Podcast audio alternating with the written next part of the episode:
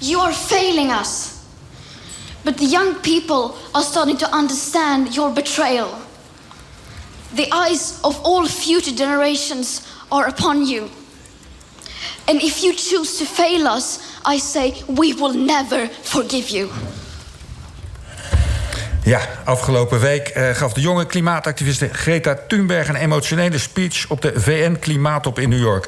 Vrijwel iedereen kent haar naam inmiddels. Maar wie kent de naam Severn Cullis Suzuki nog? 27 jaar geleden gaf die als 12-jarige Canadese ook klimaatactivisten op de VN-top in Rio een speech met vrijwel exact dezelfde boodschap. Wat waren de reacties toen op deze klimaat-Cassandra? En gaan we nu beter luisteren? Dat gaan we vragen aan historicus Matthijs Boom van de Universiteit van Amsterdam, kenner van de geschiedenis van milieu en klimaat. Uh, welkom Matthijs. Dankjewel. Uh, ja, veel mensen waren deze week erg onder de indruk uh, van deze wake-up call. was dat bij jou ook zo? nou, kijk, als historicus ben ik geïnteresseerd in welke woorden mensen gebruiken om politieke problemen aan te kaarten. En soms slaagt één, één persoon erin om zo'n debat blijvend te veranderen. En in dat opzicht ben ik niet per se heel erg verrast door de woorden van Thunberg. De woorden die zij gebruikt zijn eigenlijk een herhaling van, in hele heldere bewoording wel, uh, woorden die wetenschappers al decennia bezigen. Maar ze sorteert wel een heel groot effect. Ze is een boegbeeld geworden van een beweging. En ze benadrukt heel erg de urgentie van het probleem. Ja, nou, dat vind ik indrukwekkend. Ja. Nou zei ik net in de inleiding, ze is niet het eerste kind dat uh, zoiets doet. In 1992 op het VN-top uh, was daar ook Severn Cullis Suzuki. Uh, hoe kwam dat Canadese meisje er destijds? Was ze net als Thunberg uitgenodigd? Um, ik weet niet of ze op uitnodiging was. Um, ze reisde destijds met een groep van drie andere kinderen naar Rio om deel te nemen aan de Earth Summit. die overigens de VN-conferentie in zaken milieu en ontwikkeling heette, niet klimaat. Um, en terugkijkend zei ze dat ze uh, het belangrijk vond om daar, te, daar naartoe te gaan... omdat ze inzag dat het vooral oudere mannen zouden zijn... die daar zouden beslissen over het lot van toekomstige generaties. En dat ze daar wilde zijn als een soort jong geweten... een vertegenwoordiger van de generatie over wiens lot beslist werd. Ja, laten we ook even naar haar luisteren. Speech uit Rio van 27 jaar geleden. I am fighting for my future. Losing my future is not like losing an election... or a few points on the stock market... Parents should be able to comfort their children by saying, everything's going to be all right. It's not the end of the world, and we're doing the best we can. But I don't think you can say that to us anymore. Ja, een twaalfjarig meisje is dit, met deze boodschap. Uh, was het klimaatprobleem uh, toen ook al zo zichtbaar en urgent?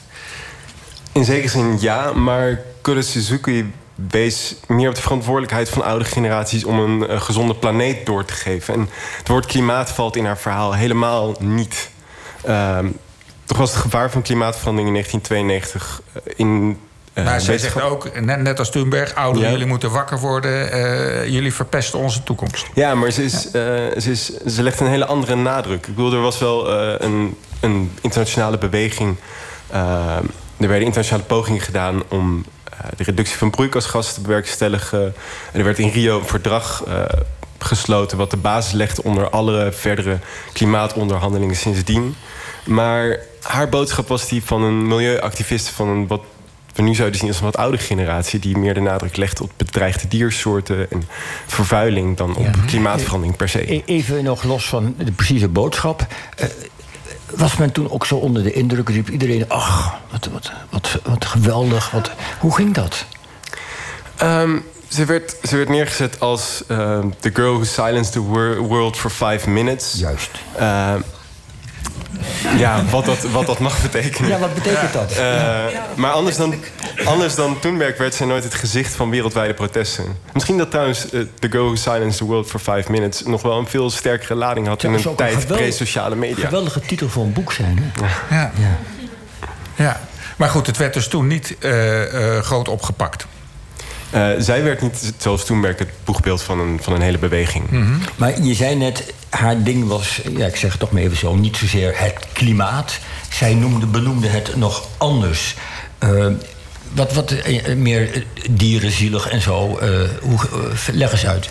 Als je dat in een, in een langere geschiedenis van ontwikkeling van politiek rond milieu en klimaat mm -hmm. ziet. Uh, en zie je dat dat in de nasleep van de Tweede Wereldoorlog... er in de internationale uh, wetenschappelijke gemeenschap... een idee ontstond van het milieu als iets wat we kunnen uh, beschermen. En klimaat komt pas in dat verhaal in de loop van de jaren tachtig. Uit een vrij eigenlijk kleine niche van klimaatwetenschap. Mensen die met modellen werkten en uh, van milieu, iets wat eigenlijk een lokaal, uh, lokale aangelegenheid van uitstervende diersoorten, verdwijnende bossen was, een mondiale aangelegenheid maakte. Iets wat, wat de hele wereld aanging en wat ook op mondiale schaal aangepakt diende te worden. Ja, ja laten we naar, naar, dan naar nog een fragmentje van Kulle Suzuki uh, luisteren, wat een beetje illustreert wat jij zegt. I used to go fishing in Vancouver, my home, with my dad, until just a few years ago we found the fish full of cancers. And now we hear of animals and plants going extinct every day, vanishing forever. In my life, I have dreamt of seeing the great herds of wild animals, jungles and rainforests full of birds and butterflies. But now I wonder if they will even exist for my children to see. Ja, en dit zijn wij als ware collectief vergeten. Het zegt wel iets over ons hè, als mens. Dat, want dit is erg dit een beroep op ons geweten, op ons ja. gevoel. En zij was natuurlijk niet de enige. Sinds, sindsdien zijn er talloze, ook jonge klimaatactivisten geweest... die ja. op creatieve manieren hebben geprobeerd deze boodschap naar voren te brengen. Maar Um, maar die boodschap is toch nog net zo actueel als je kijkt naar de branden in de Amazone, wat er in Indonesië gebeurt, uh, de biodiversiteit, alle dieren die aanzeker is nu toch ook nog steeds een punt van actie? Zeker. Alleen uh, klimaat is een soort van overkoepelend begrip geworden, wat boven zeg maar, milieuproblematiek alles bij elkaar heeft gebonden mm -hmm. in de laatste decennia. Ja. Is, is er ook een verschil tussen haar verhaal toen en het verhaal van Greta nu. Want ik heb de indruk dat zij, nou, net als zoals jij al zegt, het, zij vertelt het verhaal van uh, dat allerlei dieren uitsterven, het hele milieu naar de donder gaat. En het lijkt nu soms dat we het vooral over onszelf hebben. Dat wij zo zielig zijn als dat klimaat naar de donder gaat. Is, is er iets, is, de, is dat inderdaad, constateer ik dat juist? Of hoe, hoe kijk jij daarnaar? Nou, ik denk dat er echt wel iets veranderd is. Dat zij een kind was van een generatie. Uh, haar vader was overigens ook milieuactivist en milieuwetenschapper. Um, kind was van een generatie die milieuproblematiek nog als een morele kwestie neerzette. Die het beschermen van walvissen, tijgers of olifanten als een kwestie van goed en kwaad presenteerde. En misschien dat we vandaag de dag meer zouden kunnen zeggen dat het een soort van existentiële kwestie is geworden. Een kwestie van lijfsbehoud die alle mensen aangaat. Of je nou eh, iets geeft om het lot van de laatste witte neushoorn of niet. Ja. En ik denk dat dat ook wel iets wat in die uh, is wat in die boodschap van Greta Thunberg zit. Ja, dus, dus uh, is, wel, is, is uh, Suzuki, een, uh, Suzuki een inspiratiebron voor haar geweest? Is is er iets over bekend voor, voor Greta? Voor zover ik weet niet. Zij zei zelf dat ze zich vooral liet inspireren door de scholieren van, uit Parkland, Florida. Die vorig jaar na een grote schietpartij daar op, op hun school in opstand kwamen tegen de gebreken van wapenwetgeving in de VS. En die kinderen die wilden ook niet meer alleen onderwerp zijn van politiek, maar zelf een actieve rol gaan spelen. En uh, dat activisme is voor haar de belangrijkste inspiratiebron geweest. Ja, en, en wat was de inspiratiebron 27 jaar geleden voor Kulle Suzuki? Dat weet ik niet zo goed. Ja. ja. Oké. En, en, en, en weet, je, weet je wel wat zij nu doet? Of ze nog steeds met klimaat bezig is, na 27 jaar later? Ja, ze is ecologie en biologie gaan studeren aan, uh, aan Yale. En is net als haar vader overigens nog steeds uh, actief als klimaatactivist. Ja. Uh, we hebben nu het gehad over de eerste klokkenluidse, zullen we maar zeggen, voor het gemak voor de Verenigde Naties. Ik ben nog steeds benieuwd eigenlijk hoe ze daar dan terecht kwam. Want ze gingen naartoe, legde jij uit en ineens stond ze op een spreekstoel. Daar heb ik de indruk. Volgens mij kan dat niet. Maar goed, dat, dat houden we maar even als raadsel erin. gaat het helpen wat er nu gebeurt? Dus gaat Greta Thunberg wel, eh, is dat wel een klokkenluidse met effect?